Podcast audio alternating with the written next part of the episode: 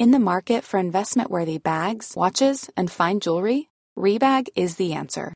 Rebag is a luxury resale platform where each piece is carefully inspected by experts to ensure quality and authenticity. Use Rebag to buy and sell finds from the world's top brands, including Louis Vuitton, Chanel, and Cartier. Head to Rebag.com to get 5% off your first purchase with code REBAGNEW. Shop today at Rebag.com. That's R E B A G.com. And use promo code REBAGNEW for 5% off your first purchase.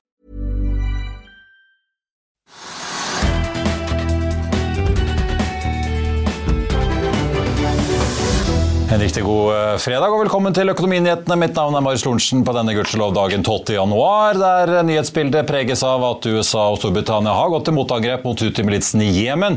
Markedet responderer. Vi ser nordsjøoljen i spotmarkedet over 80 dollar for første gang siden romjulen. Hovedindeksen over 1300 poeng igjen. Og vi kan også få ta med da at Norwegian melder at de nå har fullført oppkjøp av Widerøe til 1,1 milliarder kroner. Verdens største forvalter BlackRock kjøper PE-fondet Global Infrastructure Partners for 12 milliarder dollar. Og så får vi også ta med da at en kjent eh, skikkelse i norsk næringsliv, og ikke minst i Bergen, har gått bort. Per Grieg senior døde tre uker før sin 92-årsdag. Det opplyser Grieg-gruppen i en eh, melding. I dagens eh, sending så skal vi få besøk av Anders Wittemann i Wittemann INP Consulting og Ole Valby, gassanalytiker SEB, for å snakke om hva som rører seg i råvaremarkedene og på norsk sokkel fremover i det nye året. Og vi skal snakke bil med Andreas Scheel mot slutten av sendingen. På kalenderen i dag så har vi sparket i gang gang kvartalssesongen. JP Morgan, Bank for America og Oil Sargo er ute med tallene sine i eh, dag. Vi har også fått inflasjonstall fra Kina og BNP-tall fra Storbritannia. Og apropos Norwegian, vi får ta en svingom innom luftfarten nå, for Delta Airlines er også ute med sine tall i dag. De mer enn doblet overskuddet i fjerde kvartal mot samme periode året før, men de kutter også tilbake på guidingen sin for 2024. JP Morgan på sin side, vi får vel si verdens største bank, de skuffet noe på inntjeningen per aksje, selv om omsetningen økte til nesten 40 milliarder dollar i fjerde kvartal. Og grunnen til at eh, inntjeningen skuffet litt, er nok da at de melder om en ekstrakostnad i regnskapet på 2,9 milliarder dollar knyttet til da overtagelsen av disse regionale bankene i USA, som kollapset i eh, fjor. Og vi ser også at Bank of America har kommet med en lignende eh, kostnadsføring i sitt regnskap, så det er ikke like lett å sammenligne da inntjeningen for disse bankene kvartal per kvartal. Wall Street endte til slutt i pluss i går, så vidt får vi si med unntak av SMP 500 etter å ha fordøyd inflasjonstallene, som var litt svakere enn ventet. Vi får likevel ta med da at stjerneinflasjonen i USA i desember tikket under 4% til 3,9, og det er da første gangen siden mai 2021 at vi har sett et tall under 4. Futuresene de peker nedover i eh, dag. SMP VIX-indeksen, altså fryktindeksen som den gjerne kalles, stiger nesten 3 eh, Som jeg nevnte, så er oljeprisen oppover til rundt 80 blank, oppover 2 i dag. Vi ser at eh, flere rederiaksjer stiger. Frontline er oppover 6,5 Golden Ocean oppover over 2,5. Shippingindeksen på Oslo Børs opp drøye 3% og har nå steget nesten 6% siden nyttår. Vi ser også at store oljeaksjer som Equinor, Aker BP og Vår Energi alle ligger opp eh, mellom 1 og 2 Mens altså på mest omsatt-listen så ser vi at selskaper som Yara, TGS, Norwegian og Bakkafrost alle trekker ned med drøye prosenten. Vil du bli oppdatert på det viktigste som har skjedd innen finans og næringsliv? Da er det bare å følge med, for hver morgen er jeg, Marius Lorentzen og aksjekommentator Karl Johan Malnes på plass i studio for å ta tempen på dagens marked i Børsmorgen. Og hver ettermiddag oppsummerer vi alt du trenger å vite i økonominyhetene, og det blir selvfølgelig masse interessante gjester. Klikk deg inn på fa.no-tv, eller søk opp Børsmorgen og Økonominyhetene der du hører på podkast.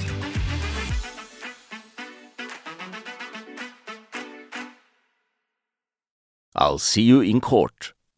Vi sier det ofte litt på spøk, men for deg som driver business, er det aldri moro å innse at du ikke har laget en 100% gyldig kontrakt.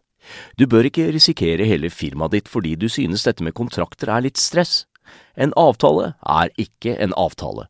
Du kan miste kunder, miste venner, ja, til og med miste inntekter om du ikke lager en skikkelig kontrakt, på alt mulig, egentlig. Men vi vet det er et styr kopimaskiner, tregprinter og haugevis av papir. Dessuten stoler vi jo på folk her i landet. Det er ofte litt kleint å skulle be om en signatur for alt mulig, ja, for mye av styret handler også om jakten på underskriften. Det finnes en enkel måte å løse dette på, Dukkobit, En trygg, effektiv og get this, gratis måte å sikre seg en god natts søvn pluss en juridisk bindende avtale. Dukkobit-appen har de strengeste sikkerhetskrav i bunn, samt en EU-godkjent og sertifisert teknologi. Framover vil det bli behagelig å spørre du, skal vi skrive under på det, eller? Kom i gang på dukkobit.no. Nå skal vi snakke olje, og kanskje vel så mye om gass. For eh, som vi hørte i går, så er Sokkeldirektoratet, tidligere Oljedirektoratet altså, ute med sin årlige sokkelårerapport. Det ble satt eksportrekord på norsk sokkel i desember. Det er bra fart på investeringen og produksjonen, og det blir det i år også. Selv om investeringsnivået ikke er helt oppe og nikker på de Klondyke-nivåene vi så like før oljebremsen begynte å treffe i 2014. Og så blir det da en produksjonstopp neste år, skal vi tro eh, fagfolkene i direktoratet. Men hvordan vil egentlig norsk sokkel stå seg fremover? Kan USAs tilsynelatende endeløse produksjonsvekst på olje og gass spenne ben under prisene? Og hva skjer når det toger inn med LNG fra Midtøsten og nettopp USA i årene fremover? Og alt dette kommer jo da på toppen av motangrepet på Utimilisten som vi har sett det siste døgnet, altså. Og med meg nå så har jeg Anders Wittemann i Wittmann MPK Consulting og Ole Valby, gassanalytiker i SEB. Velkommen og god fredag begge to. Takk. Takk så mye. Ole, skal vi begynne med, kanskje vi skal begynne med Houthiene. Vi ser råvareprisene tikke oppover uh, med en gang. Så Ole Rikard Hammer i Arctic var ute og sa at dette kan jo begynne å påvirke fysiske laster, i hvert fall i oljemarkedet. Hvordan ser det ut på gassiden? Vi har jo mye rør fra Norge, men det er jo jammen meg mye LNG-laster som kommer inn fra Midtøsten til Europa òg? Ja, det er et godt poeng. Det er jo omtrent liksom en tredjedel av verdens forsyning av gass som går gjennom Rødehavet. Ca. 25% av oljen fraktes gjennom Rødehavet, så det er jo åpenbart et veldig sårbart eh, område. Um, som du peker på, så har jo olja har jo hoppet ca. to dollar per fat i, over dagen, men gassen er litt sånn uh, muted reactions enn så lenge. Uh, vi har en liten reaksjon på oppsiden på 2% men det er, sånn, det er vi så vant til i gassmarkedet nå. Det er så volatilt. Så, ja. det. så det er ikke noen sånn superoverraskelse for, for vår del, egentlig. Og vi har jo lagt bak oss noen ganske volatile år med invasjonen av Ukraina, ja, energikrisen i Europa. og Nå er det denne famøse Sandefjordskonferansen til uken hvor mange av toppene i næringen, i hvert fall i Norge, samler seg da i uh, Sandefjord. Ja. Det blir kanskje et volatilt år for dem å håndtere i år òg? Ja, uh, det blir nok mer volatilt enn normalt. Og vi har vel egentlig sånn higher for longer case for, for gassen. Uh, det er ganske åpenbart. Men at det, sånn, det verste er over at selve energikrisen totalt sett, den er, den er er forbi. Det vet vi. Men så er det sånn i etterpåklokskapens uh, lys så ser man at den, den gassprisen man hadde sin historisk på et par og tyve euro per megawatt-time, den har vært rett og slett for billig til å være sant. Da har vi hatt enorme volumer fra, fra, Russland via pipe inn gjennom via Øst-Europa, som har gjort at man har som badet i veldig billig energi i altfor lang tid. Den tiden er mest sannsynlig forbi, og at vi kanskje nå skal prises nærmere 30-40 euro per megatime. Litt på de nivåene der vi ligger nå. Eh, I, i overskuelig framtid, det er noe vi, vi tror på. Anders, før vi graver oss inn i enkeltprosjekter og sånn, eh, hva tenker du om det markedet vi opererer i, hvis man ser det litt historisk sammenheng? Er det veldig volatilt og usikkert? Eh, ja, det har det vel alltid vært. Men jeg, jeg klarer ikke å følge med på kortsiktige svingninger. Nei. Så jeg prøver å se litt lenger. Så når det gjelder gasspris, så sitter jeg og venter på at uh, gassreservene på norsk sokkel uh, skal øke fordi forventningen til gasspris er høyere. Og det har vi ikke sett. Altså Ressursregnskapet til OD står jo ganske stille. Altså Sokkeldirektoratet, som de nå heter, ja? Ja, takk. Står ganske stille.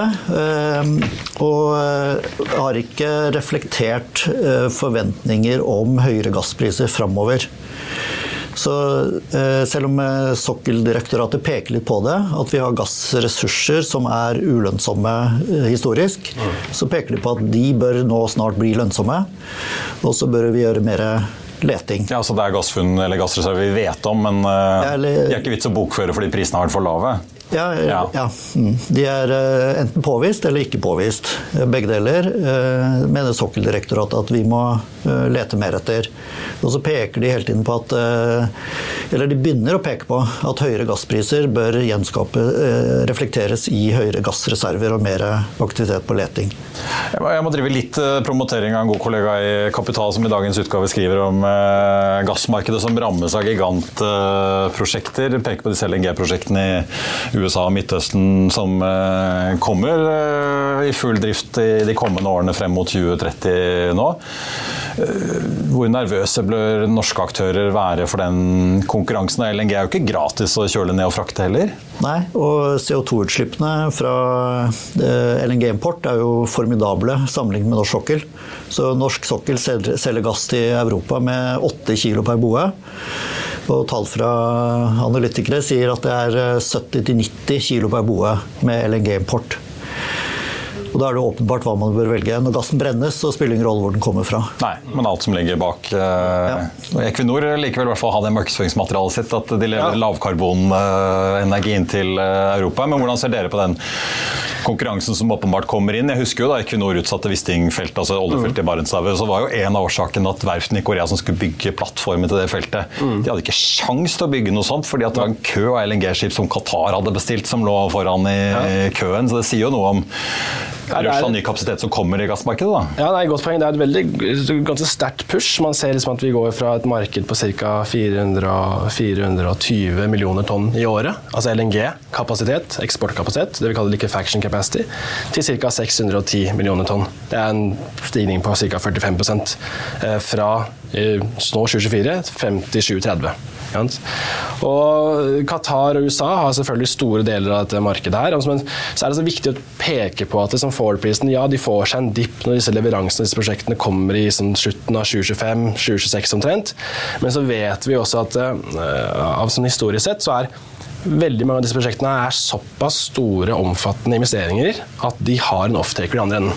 Så dette er bare bidrags... Det er noen som har kjøpt, noen som har kjøpt øh, kapasiteten? Ja. ja. så det er veldig få som bygger på spekk. Så de bygger kanskje litt mer kapasitet enn de burde gjort. Og så da spekulerer de på en gasspris langsiktig være høyere, men veldig mye er for å møte demand-senter, og da eh, stort sett i, i Asia. Altså Sør-Korea, Sør Kina og Japan, de tre landene totalt sett, har jo 55% av markedet på LNG-etterspørsel, bare de tre landene. Så de er sånn the three giants, og de kommer til å fortsette å være det i overskuelig framtid. Det, sånn, det, det, ser fornuftig ut. Og de er, veldig, de er sånn delaktige i å investere i disse prosjektene, som da bygges i Qatar, og også noe av det som bygges i USA. Og så har man de prosjektene som bygges i Russland, f.eks. Det er også en uh, ganske omfattende eh, vekst. Det er snakk om 26 millioner uh, tonn LNG fra 2024 til 2030. Og nesten på nivå med Qatar, faktisk. Men nå er det veldig usikkert hvor mye av det som kommer til å komme online, gitt at du vil få ganske heftige sanksjoner fra USA. Ja. Men igjen, der er japanerne på banen. Eh, Sør-koreanerne deles på banen. Og det er sånn, De har puttet mye penger i disse prosjektene i Nord-Russland, og de vil gjerne at dette her skal gjennomføres. Så ja, Økt eksportkapasitet av LNG vil være med å dempe prisene langsiktig, men ikke kanskje like mye som markedet ser for seg, fordi du har rett og slett etterspørselen i andre enden. Da gjerne i form av industri, økt industriproduksjon, eller da et, et kraftverk som venter på den gassen, som forventer den gassen fullt og helt. Ja. Så Det er også viktig å ha med i bakhodet. Det virker det som Novatek ypper seg litt mot eh, Gazproms eh, posisjon i Russland. Men dere råder jo begge næringen. Anders, hva sier du til de som da nettopp sitter og vurderer reserver på norsk sokkel? Vi så jo Under energikrisen så var det jo en del LNG-lasser som Kina egentlig hadde kjøpt, som de ikke trengte fordi økonomien gikk litt på halv maskin. Sendte det videre og tradet det til eh, Europa.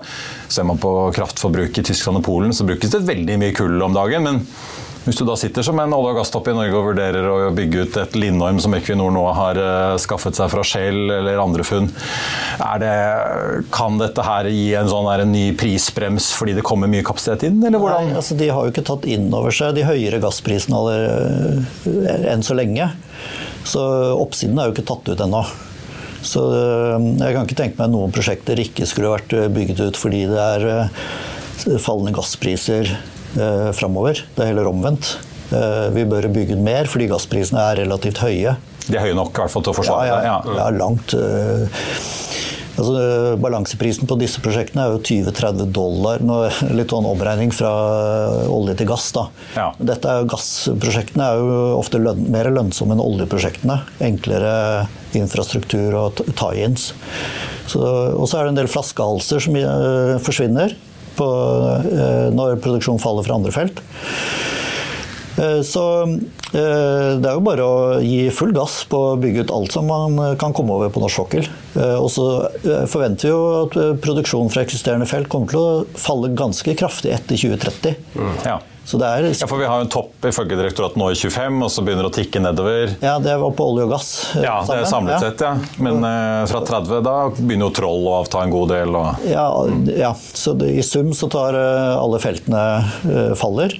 Så det er bare å fylle på med produksjon.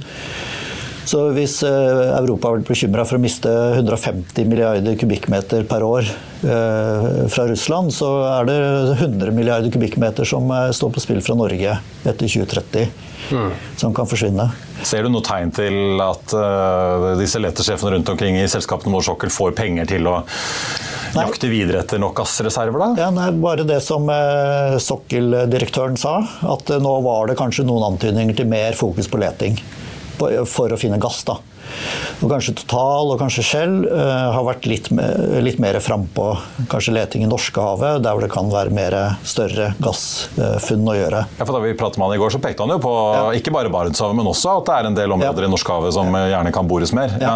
Og så er det infrastruktur som er tilgjengelig. Uh, og så har vi jo muligheter for å bygge gassrør fra Barentshavet. Mm. Sånn kan, og det er en helt untapped provins for gass som allerede er påvist og som har stort potensial, ifølge Sokkeldirektoratet, på leting.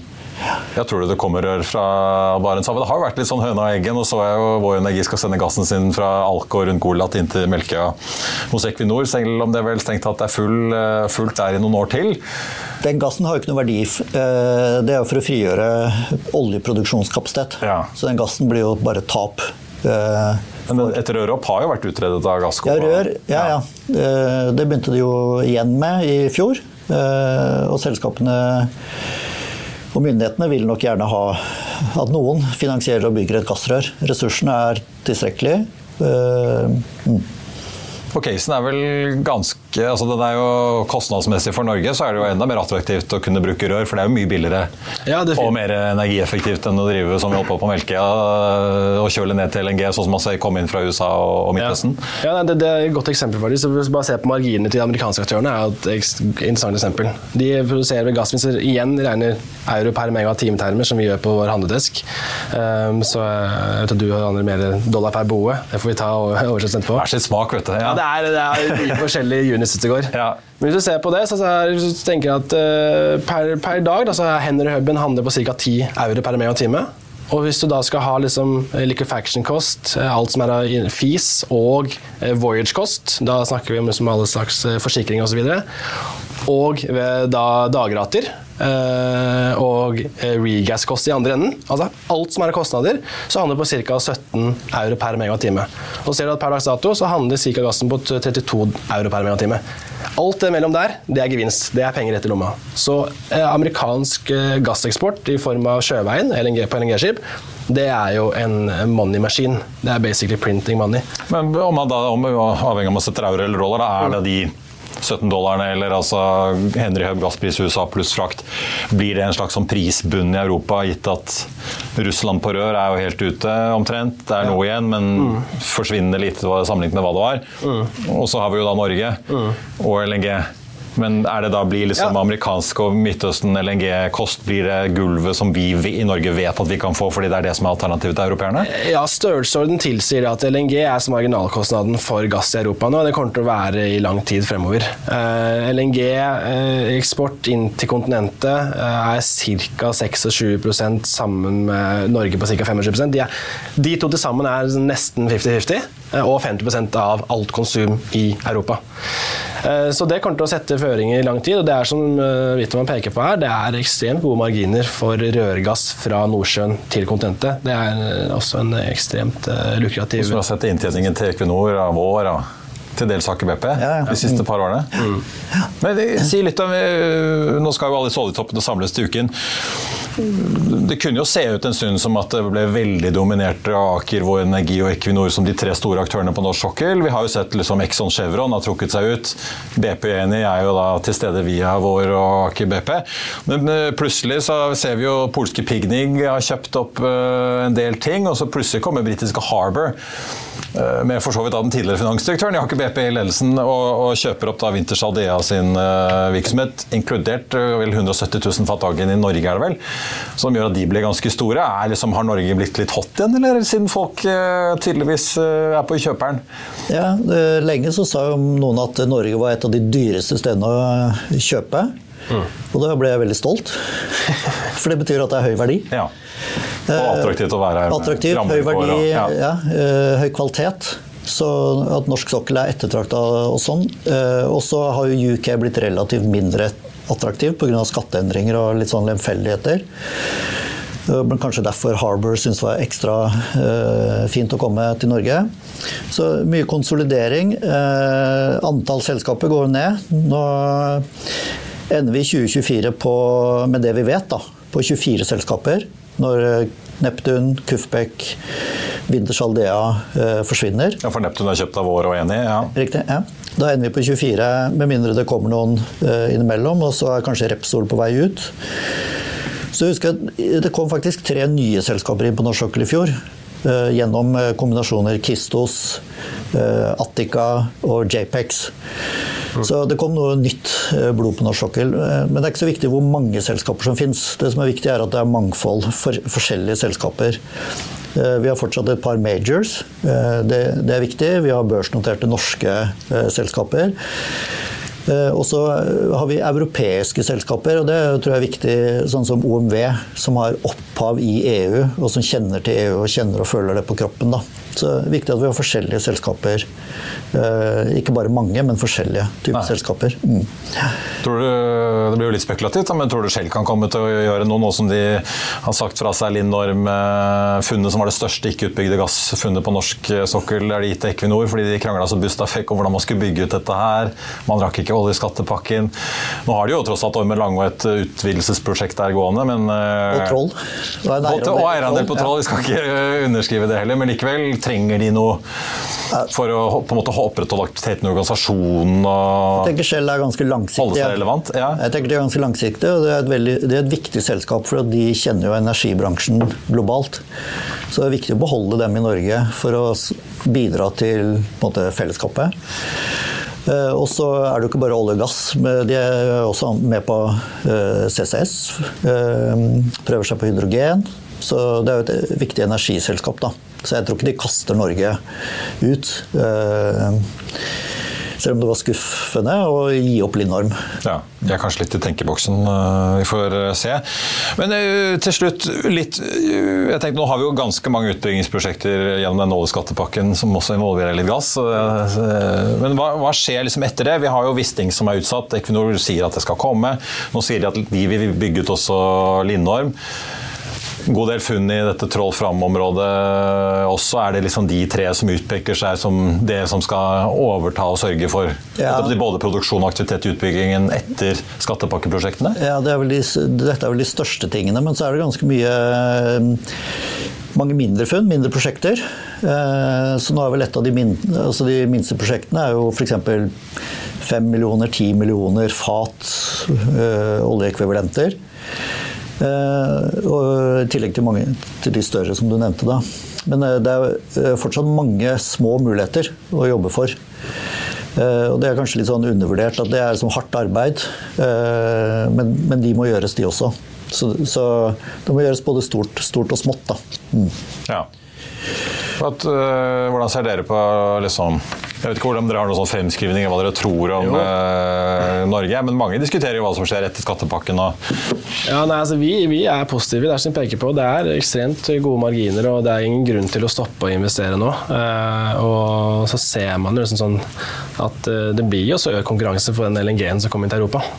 Ja. Vi vet jo at vi er avhengig av domestic supply, altså internt i, i, på kontinentet, til å fortsette å møtekomme den nettspørselen vi ser. Så alt vi kan bygge ut ut på norsk kontinentalsokkel, det tenker jeg egentlig er en, en no-brainer eh, enn så lenge. Eh, og vi vet også at uh, de asiatiske aktørene de skal også gradvis gå over til et mer miljøperspektiv også. Nå husker at nå har de brent brent mye kull i energikrisen. Mm. og De har tatt mye mindre LNG-volumer. Eh, men på lang sikt så vet vi at deres commitment til, eh, til miljøet. Eh, og Det betyr at de skal, disse importterminalene som er bygd langs, langs kysten der, den, de kommer til å bli tatt i bruk for full maskin. Og Det betyr at vi kommer til å konkurrere head to head med Asia i lang tid for disse LNG-volumene. Så det vi kan bygge ut på sokkelen her i Norge, det, det mener jeg at det burde gjøres asap. Og markedet vil være der lang tid. Nei. Mm. Hva med kostnadene på sokkelen? da? Jeg vet jo tidligere, i hvert fall fra oljebremsen og utover, så begynte man jo å bli ganske streng med hva man ga grønt lys for i oljenæringen, som jo i disse dager, eller de siste par årene har resultert i noen voldsomme inntekter, fordi disse feltene gjerne er bygget ut ja. på kanskje rundt 30, i hvert fall under 35 som regel dollar eh, fatet. I hvert fall hvis du ser på oljeprosjektene. Ja. Nå har vi jo hatt en periode med mye inflasjon. Jeg vet at en del av disse oljetoppene skryter at de sikret mye kontrakter før kostnadsveksten kom. Men hvordan ser det ut fremover? da? Klarer vi å holde oss uh, attraktive på kost? Jeg syns det er liksom oppsiktsvekkende attraktivt. For at vi, de prosjektene som ble levert inn i den store siste bølgen, de kommer med balansepris på mellom 25 og 50 dollar per fat. Det er før skatt, så det er lavere etter skatt med den midlertidige skatteendringen. Eh, men nå framover så vil det jo ikke være noe stor forskjell på Derfor har du full kontantstrømskatt. Så, da, ja. så vi ligger jo mellom 25 og 50 dollar per fat. Eh, og da ligger det faktisk inne med fortsatt Nei, da ligger det inne med antakelig som sterkere kronekurs. Og det tror jeg ikke noen eh, orker å tenke på lenger. For, vi kan jo håpe, men ja, vi får se. Ja, ja, nei, har, de fleste har vel gitt opp, så vi har litt sånn ess S i ermet der, da. Vi kan lene oss på å være fortsatt billige på kroner. Og på den forrige, før for, forrige oljebremsen så vi, hadde vi jo balansepriser på 60 dollar, 50-60 dollar per fat. Så det er egentlig ganske overraskende hvor robust industrien har vært. da. Eh, gjennom denne. Så det går nok mye på disiplin. Og så er det fortsatt litt å gå på på bedre planlegging, bedre gjennomføring. Eh, det er det alltid potensial for. Det har ikke vært en sånn veldig økning? Jo, altså kostnader har vel gått opp, men eh, Utover altså den generelle prisveksten i samfunnet, da, men Ja, nei, men de klarer likevel å komme inn med disse prosjektene med disse balanseprisene, ja. ja. Jeg husker jo i hvert fall Statoil i sin tid slett jo, eller de hadde jo liksom mål om å komme for skiferen sin i USA ned fra 100 dollar til ja 80 og så 60. og da Occidental, uh, som i Berkshire Hathaway er storinvestorer, kjøpte Crown Rock uh, i Permian-bassenget i Texas nylig, så snakket jo sjefen der om at vi har så mye under 60 dollar. så Det var liksom parameteret der. så det implisitt det du sier, betyr at vi ligger jo ganske konkurransedyktig an på kurven her. da. Ja da, vi har klart å tilpasse oss, så, men jeg tror det fortsatt er litt å gå på. Uh, på på de enkelte prosjektene. Og så må jeg jo si da, Det er jo det viktigste. Vi skal holde på med olje og gass i Norge til vi er minst lønnsomme. Mm. Så, uh, så, det er ikke noe sånn at vi trenger å fase ned olje- og gassvirksomhet i Norge. Det får markedet ta seg av. Altså Når ikke vi er konkurransedyktige i Norge, så får vi slutte med olje og gass. For på gass må vi jo i Europa i hvert fall være mest konkurransedyktige, men på olje er det kanskje noen i Midtøsten som ligger under oss, men uh... Ja, det, det, er så mye forskjellige tall der. Så, ja. men i hvert fall, altså Norge har jo en cash break-even på godt under 10 dollar per fat. Og noen ganger så er det det vi får høre fra Midtøsten. Ja. Ja, Norge er selvfølgelig et mer kostbart land med offshore, men det skal være økonomiske grunner for at vi slutter med olje og gass i Norge. Ja. Ikke noen andre grunner. Og i hvert fall da gassen. Gitt at, den, hvis vi har gitt at vi har ørene. Ja. Det, definitivt. Det tror det er verdt å peke på liksom, Den globale balansen på gassiden vil jo være tight i lang tid frem. Det vet vi jo. Eh, med tanke på at alt som kommer fra Russland, det har ikke kapasitet til å gå østover mot Asia. Det er jo supply constraint på rør, ikke sant. Så, så, så vi vet den balansen den kommer til å være tight i, i, mange mange år. Det er veldig få aktører globalt sett som ønsker å gå inn i nye langkontrakter med, med Gazprom og russerne. Eh, til fordel for Norge, naturligvis. Så, så der eh, det er også verdt å, også tenke på. Ole Valby og Anders Wittmann, tusen takk for at dere kom til oss. Det blir nok et spennende år i 2024 også, vil jeg tro. På tappen av sendingen så tenkte jeg bare å eh, nevne at eh, hovedindeksen på Oslo Børs eh, ligger så vidt over 1300 poeng nå, 1361 på desimalen, opp 0,8% der altså, med en oljepris som også foreløpig ligger over 80 dollar fatet på 85 dollar sendt i spotmarkedet nå. Til tross for dagens oppgang så ser det da likevel ut til at hovedindeksen fortsatt fall. da i årets andre uke. Vi endte jo forrige uke på 1317 poeng. Veldig mye god oppgang i olje- og shippingaksjer i dag. Ellers så ser det også da ut til at vi får en rød start på Wall Street når de er i gang om halvannen times tid i New York. I Finansavisen i morgen på lørdag så kan du lese Trygve Egnars leder om grinete tapere i gruvesaken med Nordic Mining. Det blir profilintervju med sjeføkonomen i Svedbank, Kjetil Martinsen, og selvfølgelig masse annet bil, vin og helgestoff, inkludert testa for DFN50 Lightning, som er pickup-elskernes elektriske alternativ om dagen her i landet. Og også Mercedes sitt får vi si, Gelendewagen-tilbud på speed, 4x4 opphøyd i annen, som den så fint heter. Det var det vi hadde for deg her på denne fredagen. Tusen takk for at du så eller hørte på. Mitt navn er Marius Lorentzen, og vi er tilbake igjen på mandag 08.55 med Børsmorgen. Da får vi med oss shippingfondet til NS Rissan og Partners, som jo i sin tid også var store i eiendom. Og klokken 14.30 så blir det Økonominyhetene her med Trygve Hegnar. Og så er vi altså på plass da i Sandefjord til olje- og energipolitisk seminar fra og med tirsdag. I mellomtiden så ønsker alle vi her i Finansavisen deg en riktig god helg. Takk for nå.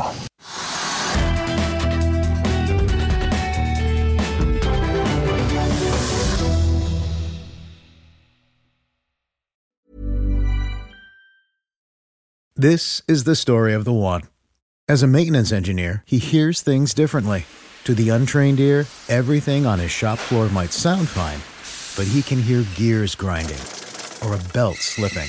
So he steps in to fix the problem at hand before it gets out of hand. And he knows Granger's got the right product he needs to get the job done, which is music to his ears. Call, clickgranger.com, or just stop by. Granger, for the ones who get it done.